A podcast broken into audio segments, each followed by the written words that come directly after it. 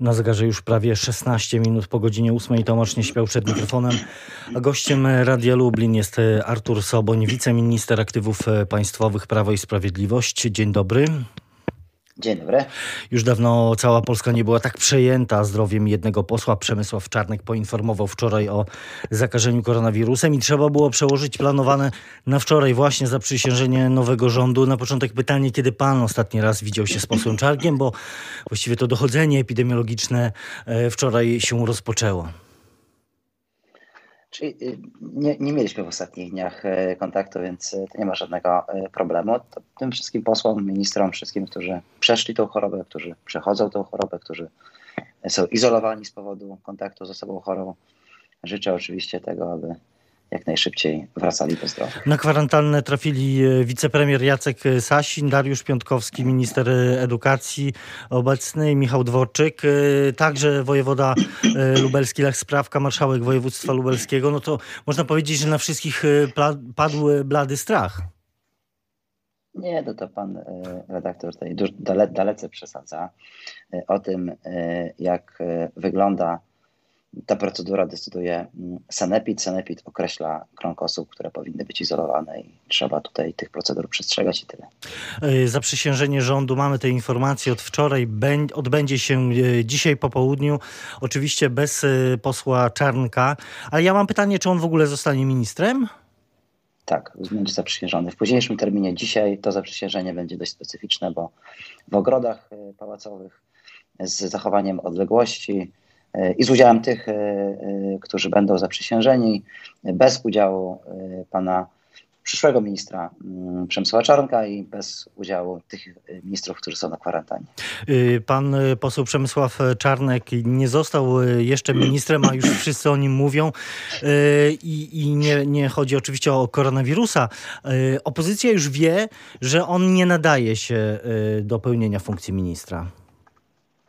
Wszystko przez to, że Przemysław Czarnek jest osobą, która w sposób jednoznaczny wypowiada swoje mm, poglądy polityczne, jest y, no, taką osobą, która nie unika debaty y, w fundamentalnych kwestiach ideowych. W związku z tym jedynym zarzutem dzisiaj, który może paść i który pada, jest dezawuowanie jego kompetencji z powodów różnic w poglądach politycznych, bo tak naprawdę powodem, dla których e, zdaniem opozycji pan poseł e, nie mógłby pełnić tego stanowiska, są jego polityczne przekonania i sposób ich ekspresji. No, to jest demokracja wykluczająca. To znaczy, to jest demokracja, w której tylko ci, którzy mają identyczne przekonania, no, mogą być tymi, którzy E, którzy sprawują funkcje publiczne. Tak? To no ale, oczywiście nie możemy zgodzić. Ale e, te zarzuty, które padają pod jego adresem, no mimo wszystko w jakiś sposób e, uderzają, muszą uderzać w cały obóz Zjednoczonej Prawicy, w cały rząd. I to jest tak, że te, te ataki, te zarzuty, które, się, które są formułowane pod jego adresem, one osłabiają ten przyszły rząd Mateusza Morawieckiego? W żadnym razie. To jest tak, że e, jeśli ministrowie mają być atakowani, to za e, swoje działania.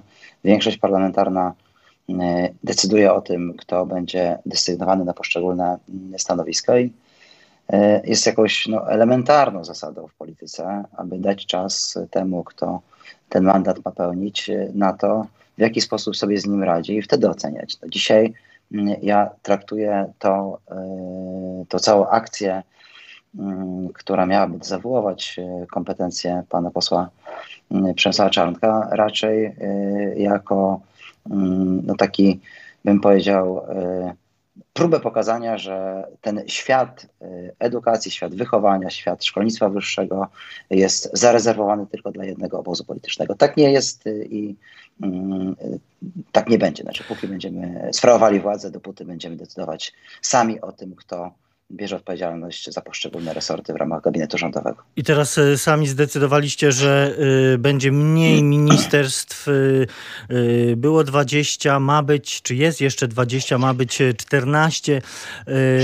Pytanie, czy ten manewr z takim matematycznym zmniejszeniem ministerstw ma sens, łączenie takich ministerstw, no jakby właśnie wspomniane edukacji i nauki, które ma objąć Przemysław Czarnek, sport ma być w kulturze, leśnictwo w rolnictwie, e, praca w rozwoju i technologii. Czy to nie jest takie na siłę łączenie e, i, i zmniejszanie tych resortów?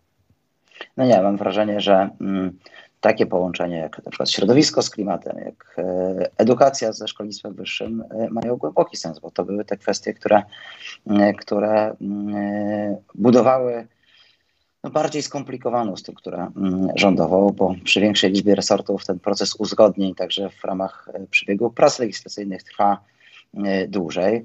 E, dzisiaj większe ministerstwa, większe kompetencje w ramach ustawy o działach administracji rządowej dla poszczególnych ministrów z 20 na 14 oznacza łatwiejsze zarządzanie sprawami, łatwiejsze zarządzanie projektami, także szybszy proces legislacyjny, więc ja akurat tutaj mm, nie mam wrażenia, aby problem był e, sztuczny, to jest tak, że pan premier Mateusz Morawiecki ma pełne prawo, aby ocenić e, w jaki sposób ułożyć ten gabinet rządowy, a liderzy większości parlamentarnej tak, aby dobrać odpowiednie personalia i zapewnić mu większość. Tak się też stało. Mamy nową umowę koalicyjną, mamy gabinet premiera Mateusza Morawieckiego z udziałem wszystkich liderów naszego obozu politycznego. Mamy kilku nowych e, ministrów, mamy mieć sporo mniej wiceministrów, więc mm, ta rekonstrukcja też w pewnym sensie przed nami. Będziemy znali ustawę o działach administracji rządowej. Tam będą zapisane kwestie e, podziału poszczególnych e, kompetencji w taki już bardzo precyzyjny sposób. I po tym okresie naszego tutaj wewnętrznego organizowania się przystępujemy do ofensywy e, programowej. To jaka będzie rola e, w tym nowym rządzie e, Jarosława Kaczyńskiego, prezesa Prawa i Sprawiedliwości, który ma zostać wicepremierem? Kluczowa, bo jest po pierwsze liderem całego naszego obozu politycznego, jest prezesem Prawa i Sprawiedliwości. Pan premier Jarosław Kaczyński jest najbardziej doświadczonym politykiem naszego obozu politycznego. Jest premierem Rzeczpospolitej z własnym E, doświadczeniem także na tym e, urzędzie, więc e, sprawowanie przez niego nadzoru nad tą częścią, ważną częścią polityki państwa, jaką jest nasze bezpieczeństwo, jaką są te kwestie związane z funkcjonowaniem różnego rodzaju instytucji i służb, jest czymś, co wesprze pana premiera Mateusza Morawieckiego, który zgodnie z tym, co jest dzisiaj też niezwykle potrzebne, mm, bo jesteśmy w okresie epidemii, zajmie się kluczowymi kwestiami, czyli zdrowiem i rozwojem gospodarczym. No, ale z opublikowanego dzisiaj e, sondażu e, dla dziennika Gazety Prawnej wynika, że zdaniem e, większości Polaków wejście do rządu Jarosława Kaczyńskiego jako wicepremiera osłabi pozycję Mateusza Morawieckiego oraz w jeszcze większym stopniu ministra sprawiedliwości Zbigniewa Ziobry. Tak będzie? Czy mm, gdybyśmy zrobili mm, sondaż e, pewnie, czy pozostanie Jarosława Kaczyńskiego w rządzie i jeszcze nawet gdyby mm, ten, który pyta, zadał pytanie, czy z tylnego siedzenia Jarosław Kaczyński byłby e, osobą, która pomniejsza wpływ premiera, no to pewnie też e, wynik sądu byłby podobny. No to jest wszystko zależy od tego, jak zadamy pytanie. Ja nie mam takiego przekonania. To znaczy, jeśli ktoś dzisiaj uważa, że E, Mateusz Morawiecki, który pozostał premierem, który ma kształt rządu, który jest dla niego bardziej funkcjonalny, który ma stabilną większość rządową, który ma uzgodnioną agendę programową, który ma uzgodniony e, sposób e, podejmowania w ramach koalicji decyzji, wychodzi z tej rekonstrukcji osłabiony, no jest czymś dla mnie niezrozumiałym, że tego rodzaju spekulacje w ogóle się pojawiają. Artur Soboń, wiceminister aktywów państwowych, jest gościem Radia Lublin. Słuchaczom radia bardzo dziękujemy. Na ciąg dalszy zapraszamy na naszą stronę internetową i radiowego Facebooka. Jeszcze raz dziękujemy. I yy, przechodzimy do internetu, kontynuujemy naszą rozmowę. Naszym gościem, przypominam, jest Artur Soboń, wiceminister aktywów państwowych. Skończyliśmy yy, pytaniem o sondaż i kontynuujmy ten wątek sondażowy. Yy, z opublikowanego z kolei dziś w Rzeczpospolitej badania IBRIS wynika, że w rządzie Polacy najlepiej oceniają premiera Mateusza Morawieckiego i szefa MON Mariusza Błaszczaka. Najgorzej E, oceniany jest e, Zbigniew Ziobro. No i co pan na to? Sondaż jak sondaż. E, tak naprawdę liczy się mm, to, jak trudne są zadania na, na poszczególnych odcinkach, na poszczególnych resortach, w poszczególnych obszarach funkcjonowania państwa i jak sobie poszczególni ministrowie dają z nimi radę. I ja mam takie przekonanie, że mówimy o trzech znakomitych ministrach, w czym e, oczywiście, e, w tym oczywiście o prezesie mm, Rady Ministrów, który koordynuje całość prac gabinetu e, rządowego. Takie sondaże są raczej wynikiem mm, oceny mm, sposobu funkcjonowania w przestrzeni publicznej niż rzetelnej oceny funkcjonowania poszczególnych resortów. Ale jeszcze, jeszcze jedna informacja z tych e, przywołanych e, sondaży. E, zdaniem większości Polaków największym wyzwaniem dla rządu jest utrzymanie wydolności ochrony, ochrony zdrowia, oczywiście w związku z epidemią. No i na dalszy plan ewidentnie schodzą punkty z agendy programowej Prawa, Prawa i Sprawiedliwości. Dziś no, ten kierunek spraw najistotniejszych jest jasny. Tak, to myślę jest jasne dla wszystkich, dla każdego dziecka w Polsce, że epidemia jest wyzwaniem najważniejszym. Z jednej strony zabezpieczenie nas przed zagrożeniem dla naszego zdrowia, a z drugiej strony ten okres, który mamy, wpływa oczywiście na recesję gospodarczą w Europie i na świecie i trzeba sprawić, aby ta polska droga wychodzenia z recesji była jak najszybsza, abyśmy w przyszłym roku E, mieli już e, dodatni e, wzrost gospodarczy. To jest całkowicie realne. Te wszystkie wskaźniki, te wszystkie działania, które mm, dzisiaj podejmujemy, 140 miliardów złotych dla polskich przedsiębiorstw w ramach tarcz finansowych i antykryzysowych, obniżka świadczeń podatkowych, wykorzystanie wszystkich instrumentów, e, aby zadbać o to, żeby pracownicy nie stracili w Polsce pracy, to bezrobocie e, jest w Polsce e, no, najniższe, czy jedno z najniższych w Unii Europejskiej. Ten, ten, ten spadek w wyniku. Nieco ponad epidemii. 6% z tych najnowszych Mamy, wskaźników na. na... Euro, Eurostatem tam nieco ponad 3%. No, wzrost PMI, wzrost e, konsumpcji, wzrost e, wydatków inwestycyjnych przedsiębiorstw, nasza w ogóle duża akcja inwestycyjna i jeśli chodzi o wydatki publiczne i wydatki na przykład spółek Skarbu Państwa, no krótko mówiąc e, mm, mam takie przekonanie, że rzeczywiście Polacy wiedzą, co jest dzisiaj najważniejsze. Choć patrząc jeszcze, dorzucając do tych danych i, i, i liczb, nie sposób też nie odnieść się do zaproponowanego już przez rząd projektu budżetu budżetu na 2021 rok, no i tam te ponad 80 miliardów y, deficytu nie, nie sprawia, że, że, że powinniśmy z jakąś obawą patrzeć na te kolejne miesiące, kilka, kilkanaście najbliższych miesięcy? Czy większą obawą y, byłaby y, recesja na długie lata, ujemny wzrost gospodarczy, wzrost bezrobocia, wzrost y, ubóstwa, e, szalejące ceny i tak dalej, no, spadek konsumpcji, e, ograniczenie inwestycji, no to, to byłoby niepokojące. No, w sytuacji, w której wydatkowaliśmy tak duże transfery e, po to, aby zapewnić płynność przedsiębiorstwom i aby mm, zapewnić utrzymanie pracy dla pracowników.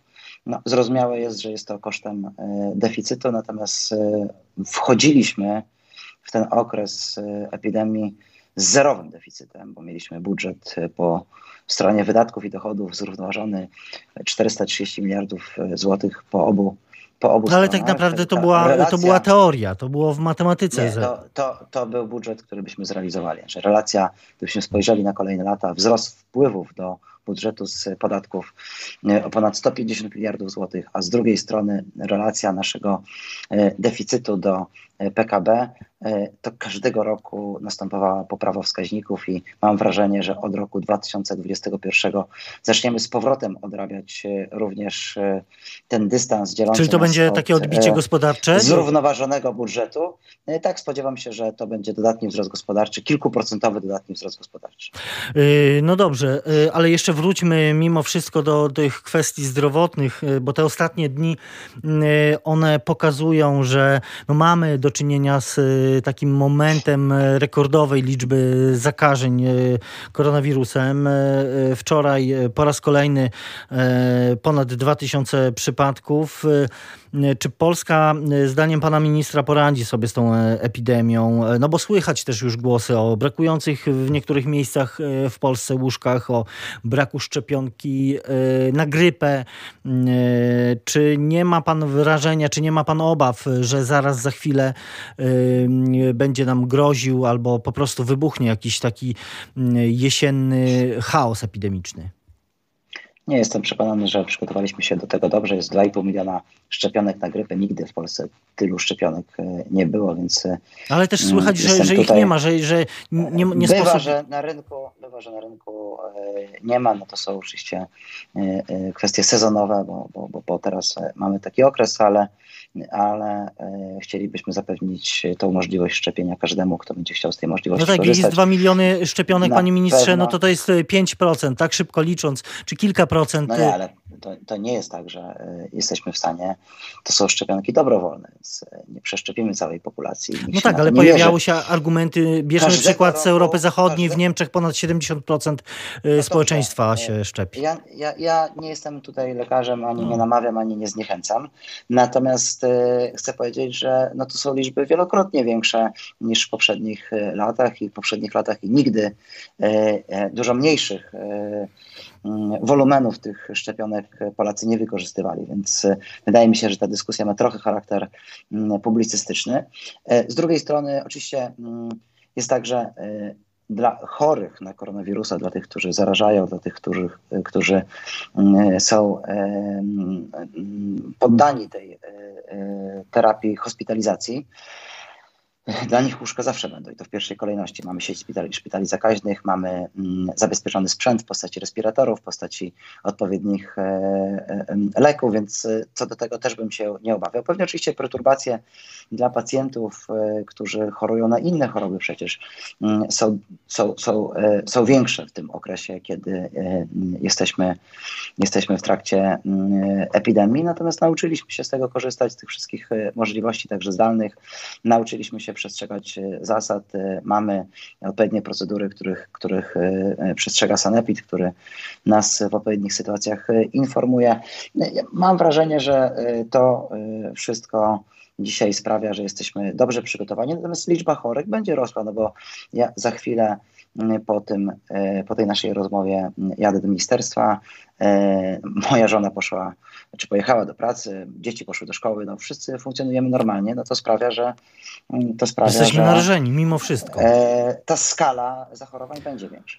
E, to na koniec e, chciałbym porozmawiać i zapytać o lubelski, odbywający się jeszcze dziś w Lublinie ogólnopolski szczyt gospodarczy. Pan wczoraj brał w nim udział. Czy w czasie pandemii takie wydarzenia mają sens? Już pomijając kwestie sanitarne, no to jednak mamy do czynienia z taką sytuacją, w której gospodarka jednak dziś stanęła. No tak, znaczy kryzys jest e, dzisiaj wyjątkowy, to znaczy mamy kryzys, który uderza i w podaż, i w popyt, i w płynność. E, to jest kryzys nieznany dotychczas. Uruchomiliśmy wszystkie możliwe narzędzia, włącznie z e, polityką monetarną, aby się temu przeciwstawić. Robimy to z sukcesami, natomiast skali, która dotknęła gospodarkę na świecie, E, jej odbudowanie będzie trwało latami. Znaczy wirus e, uderzył w coś, co jest fundamentem naszej, mm, e, naszego bogactwa, naszej mm, zdolności do mm, budowania nowoczesnych gospodarek. One się opierają na wymianie handlowej, na wymianie usług, na wymianie mm, międzynarodowej na, w ramach poszczególnych państw, no krótko mówiąc, wiążą się z naszą aktywnością fizyczną i z zaufaniem. I, no i o, to zostało tej, rzeczywiście przez, o, e, przez kryzys podważone. O tej, o tej aktywności także e, pi, pisze e, premier Mateusz Morawiecki, czy napisał list do uczestników e, tego, e, tego szczytu. Pan miał okazję ten list czytać. Premier Morawiecki mówi, że, czy napi, pisze, że pandemia koronawirusa uderzyła w samo serce gospodarki, czyli ludzką aktywność, spowodowała, że nagle i jednocześnie zachwiane zostały podaż, popyt i płynność e, e, finansowa, a z drugiej strony kryzys e, związany z pandemią potwierdził znaczenie państwa narodowego. Tak, bo mm, to w jaki sposób państwa narodowe zareagowały, no jest znamienne. Znaczy państwa narodowe skierowały transfery, aby utrzymać mm, płynność przedsiębiorstw, aby utrzymać miejsca pracy.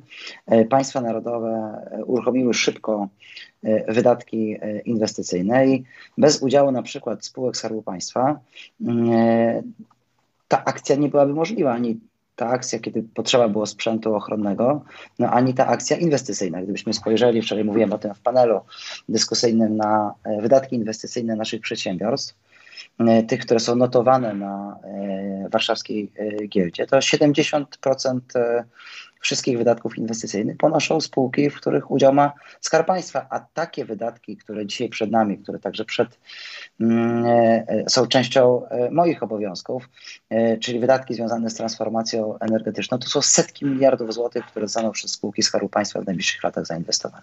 I one uratują polską gospodarkę? To, to nie jest tak, że one uratują polską gospodarkę, natomiast e, to jest tak, że e, inwestycje e, są tą dźwignią, która sprawi, że to wychodzenie z recesji będzie dużo szybsze i będzie miało bardziej charakter litery V niż litery U i na tym nam bardzo, bardzo zależy. I mówi to Artur Soboń, wiceminister aktywów państwowych Prawo i Sprawiedliwość. Bardzo dziękuję za rozmowę. Dziękuję.